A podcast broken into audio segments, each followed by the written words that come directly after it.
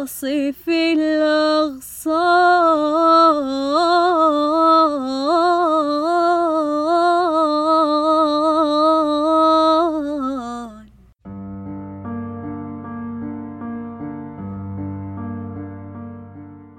الكوفيهات زحمة؟ تعبت من إزعاج البيت وأصوات الأطفال؟ سواء كنت مالك مؤسسة أو صاحب عمل حر. بس ما عارف فين تشتغل أو حتى عندك اجتماع مع شخصية مهمة وما عارف فين تقابلها. بيسكس هو الحل.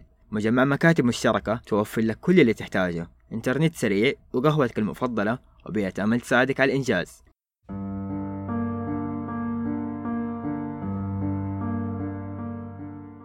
إيش كان تكوينها؟ إيش تأثيرها على السامع؟ الحين في في مكان في العالم اثنين قاعدين يعيشوا مشاعر لطيفة بسبب هذا الصوت اللي طلع اثنين في مكان واحدة في مكان أو واحد في مكان ثاني قاعد يموت حزن وينهار ويسمع هذا الموسيقى مع هذا الحزن وتعيشوا نوع من تلطيف المشاعر.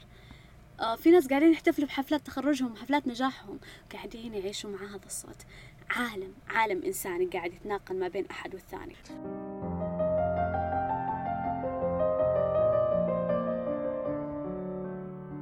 مساء الخير جميعا. معكم ميس ياسر في بودكاست صوت أفكارنا. في هذا البودكاست راح نسأل أسئلة كثير. كل الأسئلة اللي تدور في بالنا وما نقولها لأي أحد. راح نسأل مع بعض ونفكر مع بعض.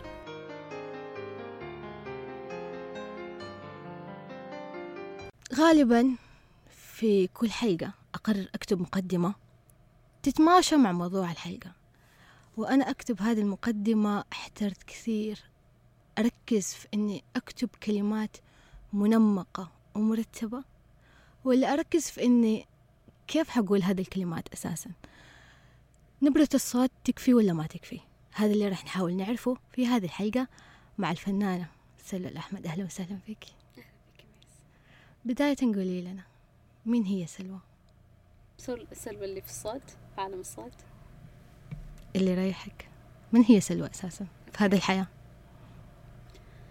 آه من لين الآن تق- تقريبا بكتشف مين هي سلوى وش هوية سلوى. دايما اللي بيطلع لي إنه في قيمة دايما تطلع إنه سلوى هي الكائن اللي طول الوقت بيدور يا ربي إيش ممكن أضيف في الحياة هذه؟ قديش أقدر أسهم؟ قديش أقدر أعطي؟ قديش أقدر ألهم؟ فهذه المرحلة ححكيك عن سلوى اللي في هذه المرحلة لأنها الوحيدة اللي أنا قادرة إنه أنا أستشفها. طيب بتحس إنه من من كل إنسان له في اسمه نصيب؟ شكرا شكرا شكرا شكرا ميس على هذا السؤال. ليش؟ آه دائما دائما حرفيا آه ماما أول شيء كانت تقول لي دائما إنه اسم سلوى معناته إنه فيه من السلا وفيه من السعادة وجبر الخواطر. فلما أجي أشوف حياة سلوى من انولدت لين الحين دائما ما ما ألاقي إنه سلوى في وقت كان فيها عندها مثلا معاناة أو مأساة إنه كانت حزينة هذا ال- الحزن اللي فيه انهيار. سلوى بتمر بالمشاعر لكن كأن الله يعمل بيني وبين هذا ال- النوع من الانهيار وهذه الأشياء حاجز اسمه السلام ويعبر عن اسمي فدائما لما أكون حزينة أقول يا رب أنا عارفة أعرف إنه أنت حتجبرني أعرف إنه هذا هذا النوع من المشاعر ما يوصل لي بقوته يوصل لي بألطف شكل منك. فأتوقع يب اسمي مرة مؤثر على حياتي. سلوى إيش يعني لك الصوت؟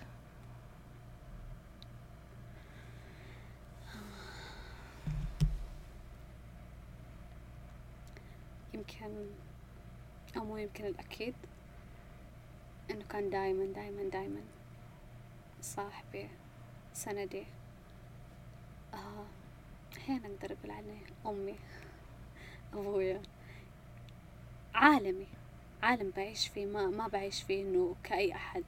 لا أنا بشوف الصوت أكثر من إنه أنا بسمعه أو بطلعه. دائما بحاول أقول إنه إيش هذا الشيء؟ قديش أقدر أدخل فيه؟ في كل مرة أحاول إنه هل ممكن إنه أنا ألمسك أتكلم معك أدخل فيك؟ اللي هو عالم الصوت نفسه. مجازيا طبعا مو حرفيا. يا يمكن فعليا صح زي ما تقول يعني جات فترة كنت مرة أبحث عن هذا الموضوع كثير. فأنت تخيلي إنه عشان الإنسان يقول جملة واحدة قد إيش في علوم مختلفة بس عشان تقولي جملة أو عشان تقولي كلمة. تكوينات.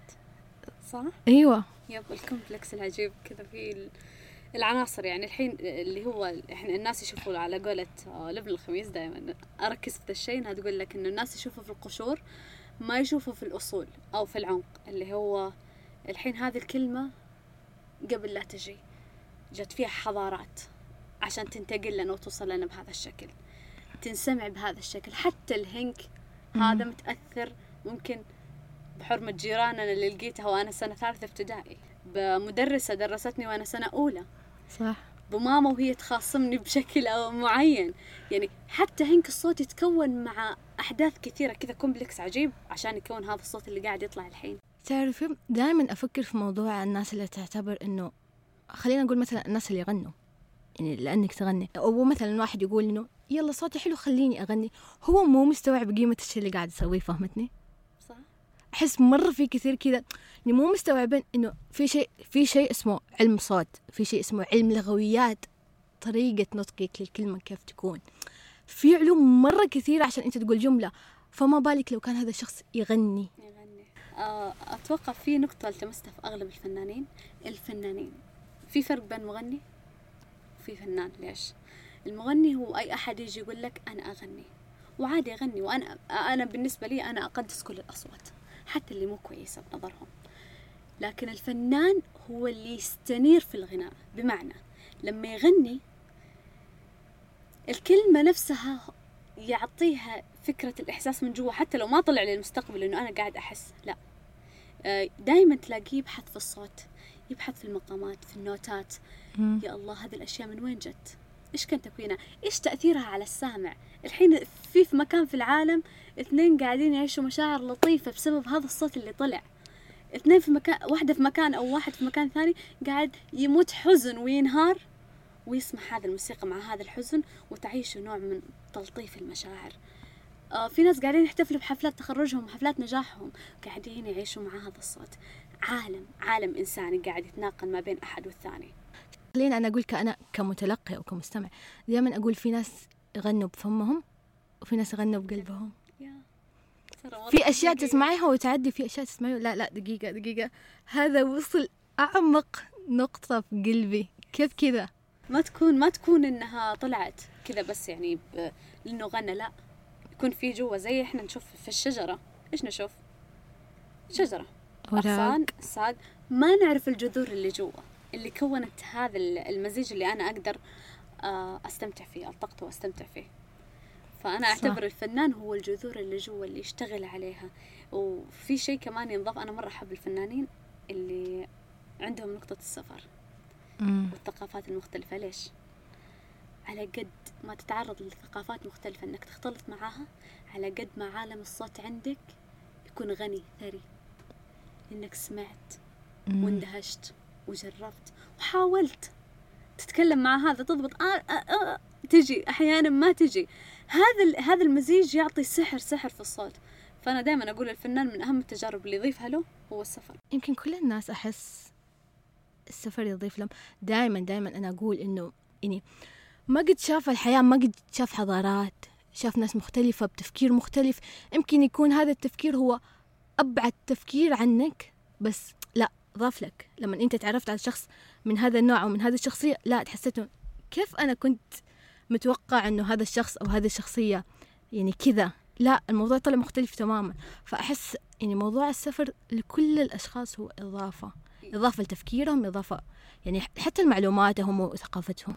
وفي الناس اللي تسمع أتوقع ممكن يتوقعوا مثلا بس ممكن السفر اللي برا مثلا برا حدود المملكة لا. أحيانا تسافر وانت موجود هنا. ليه؟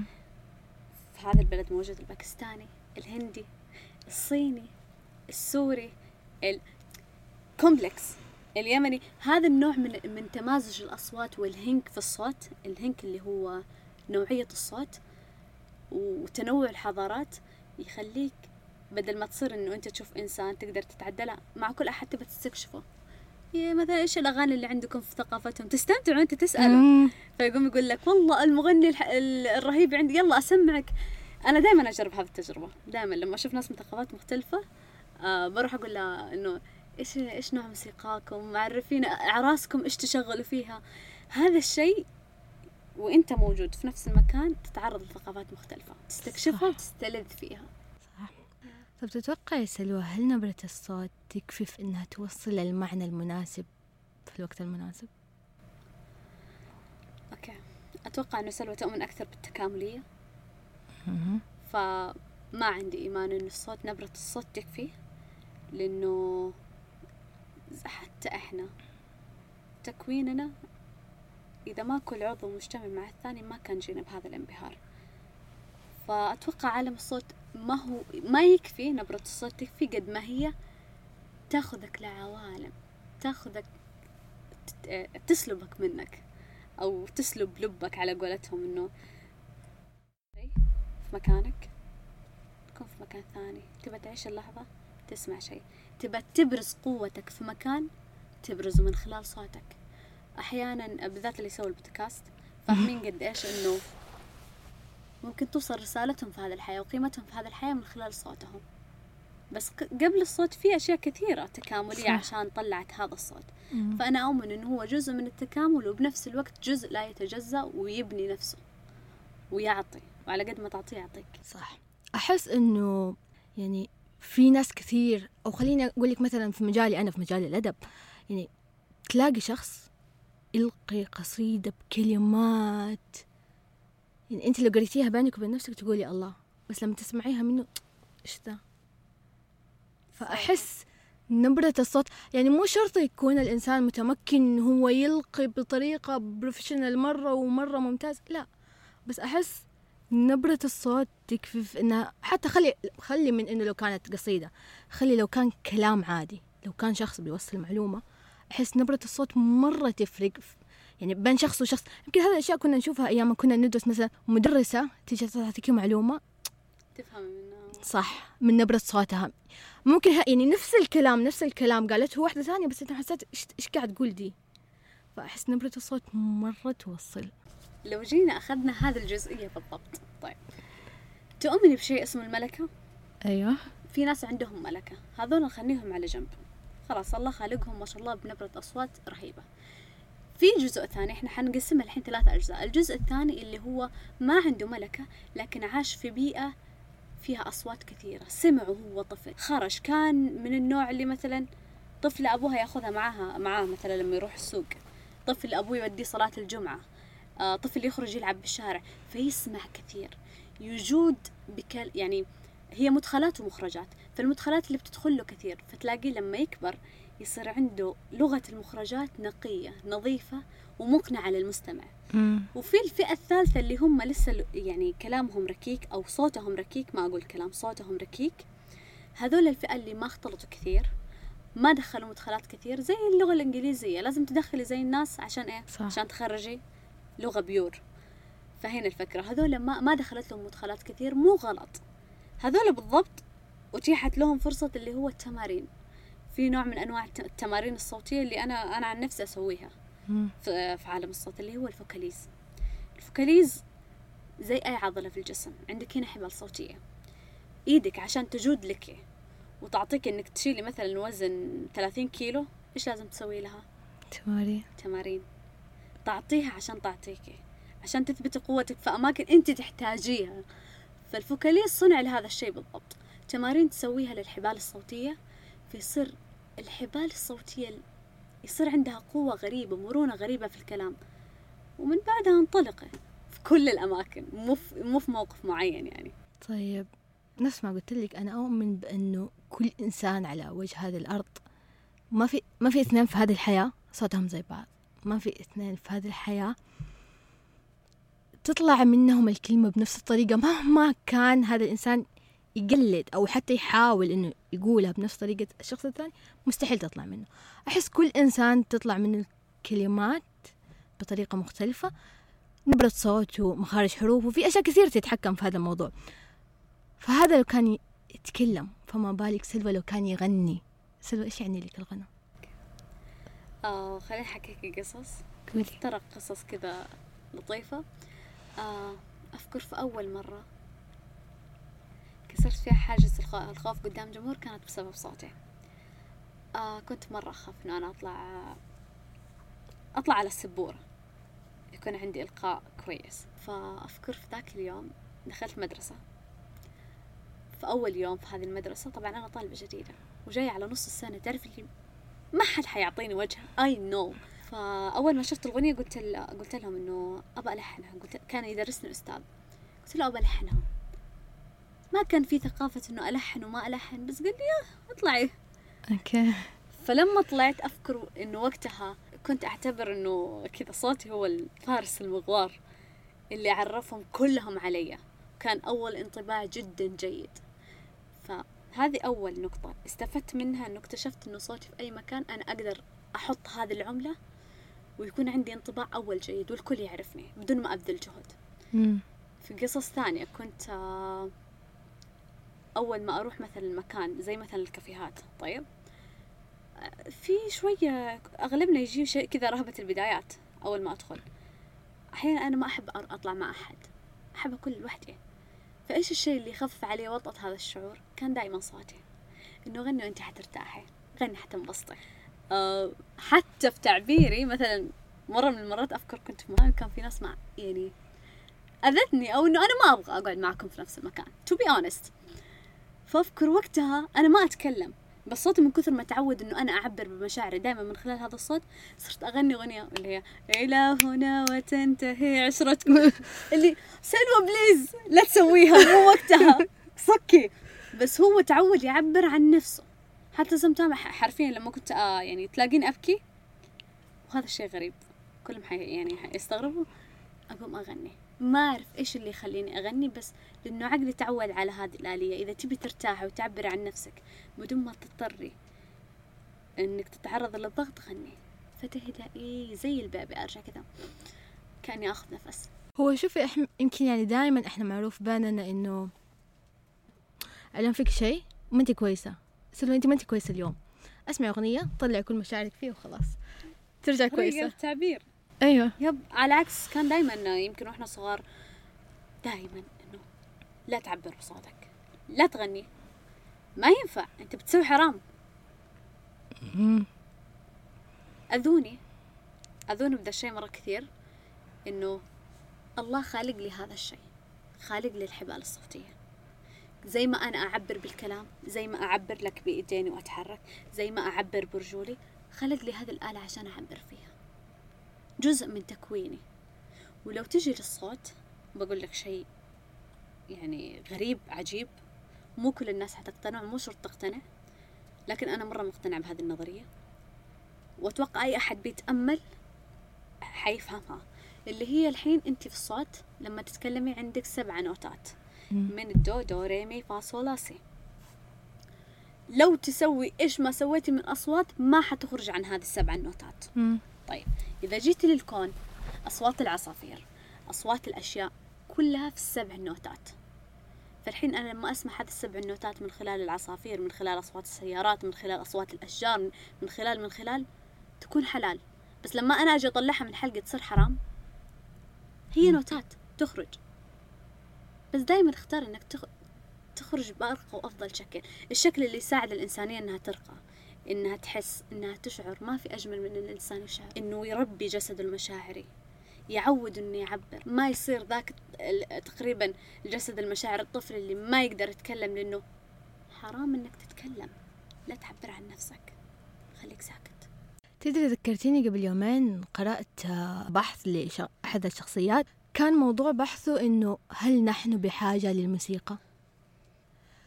فيقول لك يعني سووا دراسات على ناس كثير عن طريق الرنين المغناطيسي. الناس اللي يسمعوا موسيقى كثير. في عندهم هرمون يطلع لعقل الإنسان. هذا الهرمون يساعده في إنه يكون مزاجه جيد في إنه يكون آه، يعني خليني أقول لك يكون مرتاح أكثر مبسوط أكثر في حياته.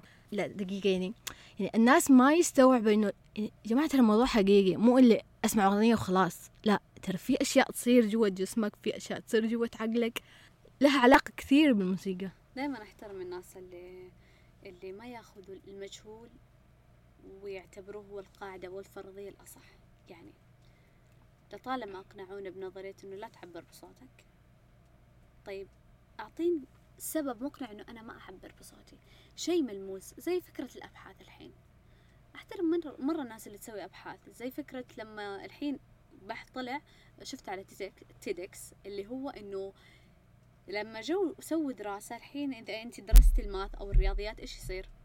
تأثر على الجزء الأيسر من دماغك الأيسر ليه؟ الجزء المنطقي إذا رسمتي تأثر على الأيمن الإبداعي لقوا إنه الشيء الوحيد اللي بيمسك الجزئين يسار ويمين هو الموسيقى ليش؟ لأنه في الموسيقى أصلا أوريدي أنت بتتعاطي أشياء فيزيائية الأشياء صح. هذه. أيوه. آه، النوتات 1 2 3 حركة إيدينك شيء فيزيائي إنه كيف تحركيها الجانبين الأيسر والأيمن فمهارة تكتسبيها. زائد إنها الجزء الإبداع اللي هو الأيمن اللي يخليك تبتكر تتخيل تنتج. فجمع لك الفصين الإثنين. يعني حرفيا أنت لو جربتي تقعدي في جلسة موسيقية يا أما تبتكري أغنية أو تبتكري فكرة فيها موسيقى حتلاقي قد إيش إنه فجأة جوعتي. ليه؟ دماغك شغال. قاعد ينتج قاعد يحاول والاثنين يشتغلوا مع بعض فهمتي؟ يا. سلوى إيش أفضل الفرص اللي عشتيها؟ أنا أقول لك. okay كان كف بس كف حلو. كف يعني بدلع. okay. طيب أول آه ما أعرف سبحان الله أحيانا الله يحطك فرص عشان تكتشف بعدين مو عشان أنت جاهز. هم يقولون لك إيش؟ استعد عشان الاستعدادية مع الفرصة يتلاقوا. الحقيقة أنا ما كنت مستعدة أبدا بس الفرصة جت عشان تخليني بعدين أستعد. okay. okay. جاء فكرة إنه في يوم وليلة كذا إنه تسافر الرياض. طيب ليش؟ آه في موسم واللي صاير إنه الحين أسسوا فرقة جديدة للكورال في السعودية. أول فرقة كورال في السعودية. ويبوا يثبت نفسهم ويبوا يعني تركي آل الشيخ معطيهم فرصة إنهم يكونوا مع كل الفنانين. في ثلاث بنات ناقصهم بنت. آه ثلاث بنات ناقصهم الرابعة. تجي؟ أجي. أنا ما والله العظيم ما أعرف لمحمد عبده وقتها إلا ثلاث أغاني وما ما أدري يعني تعرف لما تكوني في ضباب كنت أقول ليش ما كنت أسمع؟ يعني كنت مستغربة أنا أغني كيف ما أسمع. فوقتها قلت لها يب أجي. رحت. كنت دائما عندي آه، قناعة إنه روح وسط التجربة حتكتشف نفسك حتى لو ما عندك المهارة. فأول ما وصلت هناك الرياض لا قبلها. قالوا لي أنا قدامك آه، عشر أيام وأعطونا في العشر الأيام هذه ستين أغنية. تسمعيها وتحفظيها. تطلعي تنزلي تجيبيها. قلت أوكي حتحدى نفسي عشر أيام. والله وعشر أيام ما أنام. أربع ساعات خمس ساعات. حفظ حفظ. أسمع أخرج أسمع أخرج وصلت هناك وأنا حافظة ستين أغنية. لما وصلت هناك اكتشفت إنه في كمان وصلتين يعني لازم أحفظ خلال ليلتين ثلاثين أغنية. لأنه بعد الليلتين حتكونوا بروفا مع الفنان. يعني كأنه أنا وإنتي. ما يمديك تغلط الفنان قدامك. وقتها تعرف اللي أنا صرت خلاص والله أبكي. اللي خلاص برجع. ما ما أقدر. بعدين قلت أعطي نفسك فرصة امشي. والله مسكت نفسي ولا نوم ولا أكل ولا شرب ليلتين بس سمع جبتها. جبتها وصلت. ما أعرف كيف تدبرت كيف الله أجراها على لساني. أنا ما أعرف. فبعد هذه التجربة اللي انحطيت فيها أول حفلة كانت مع مين؟ كانت مع كان مع ستة فنانين كانت حفلة سهم. كانت مع رابح وأصالة وماجد و وش اسمه؟ نوال و السادس. أمشي مع الستة الفنانين. فاللي صار إنه وقتها لما انحطيت بهذا النوع من الضغط اكتشفت إنه سلوى ما كانت تسمع ولا في حق يعني ما كنت حكتشف أو إنه ما أدري ضباب ما أعرف إيش أقول لك. فخلاص من وقتها رجعت. وقتها انشغلت انشغلت بعدها بحفلات فما ما كان عندي الوقت. بمجرد ما رجعت من وقتها للآن مشيت سنة تقريبا صرت أسمع للكل مغربي سعودي خليجي يمني حضرمي. ليش؟ دخلي دخلي دخلي لين تعرفي وين هويتك. إذا عرفت هويتك الموسيقية بعدين امسكي لون واحد وتشبعي فيه اعرفي مقاماته. يعني مثلا لو قلت لك مثلا فنان معين مثلا امسك لك عبد المجيد. لو أخذته كقدوة واحدة وعرفت هوية الموسيقية من خلاله سلوى ما حتغني إلا كرد. كرد المقام اللي يغني فيه. أنتحل شخصيتك خايف أحبك. نص أغاني عبد المجيد كرد. لونه مقام الكرد. فحتلاقيني أنا أشابهه أشابه لونه. ما ينفع. فصرت إنه أنا أسمع كثير هويات عشان إذا جيت أعرف هويتي ما أكون ملخبطة وأكون على نهج فنان معين. تكوني سلوى. حالتها الخاصة. Exactly. طب سلوى لو قلنا لك اختصري لنا مثلا الغنى بكلمة إيش حيكون؟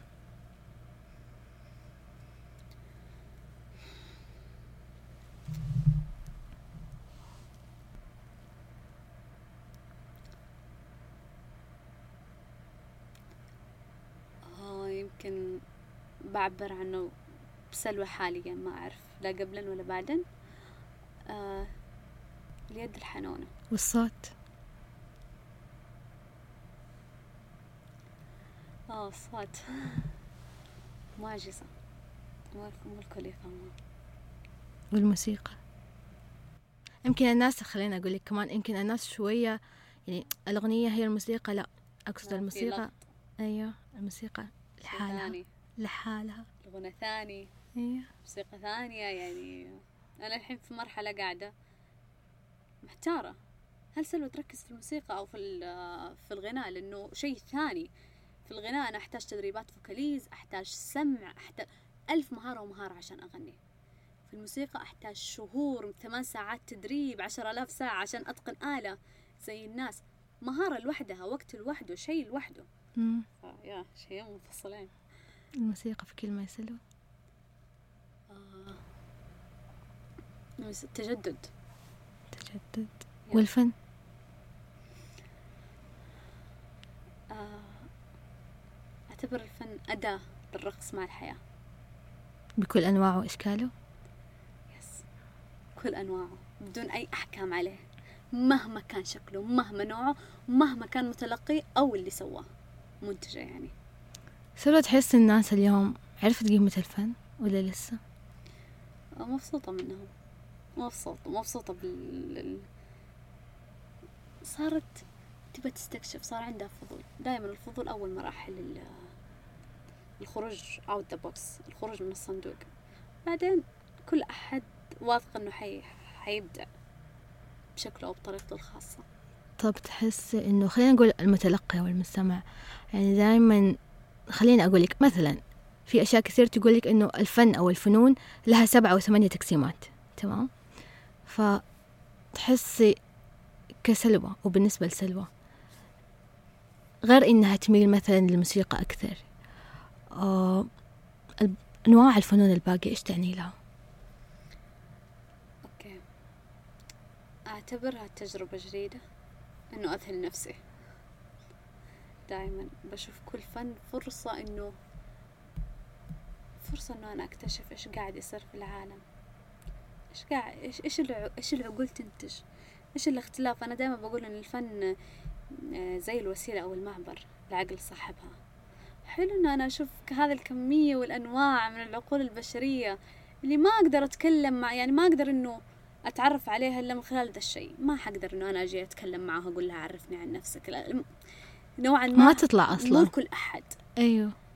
فإنه أعرف كثير من جوانبك من خلال إنك سمحت لي إن أنا أشوف فنك خلال آه، نوع يا أما رسم يا أما موسيقى. شيء مرة جميل. سلوى شكرا.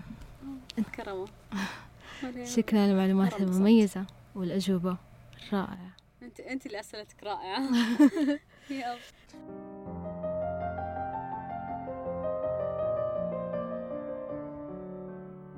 يا أهل الهوى كيف المحبة هو كيف النوى يقدر ينسي العيوب؟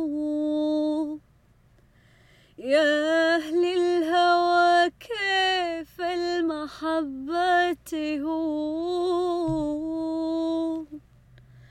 كيف النوى يقدر ينسي العيوب؟ نظرة حنين وأحلى سنين. نظرة حنين وأحلى سنين. عشناها عشناها يا قلبي الحزين. ما قدير. وإلى اللقاء. إلى حوار جديد وسؤال جديد. ولا تنسوا تكتبوا لنا رأيكم في الحلقة وتشاركوها مع أصدقائكم المفضلين. في حال كان عندك سؤال معين يدور في بالك ومو لاقي له إجابة شاركنا هو على إيميلنا الموجود في صندوق الوصف. وراح نسأل مع بعض ونفكر مع بعض. مع السلامة.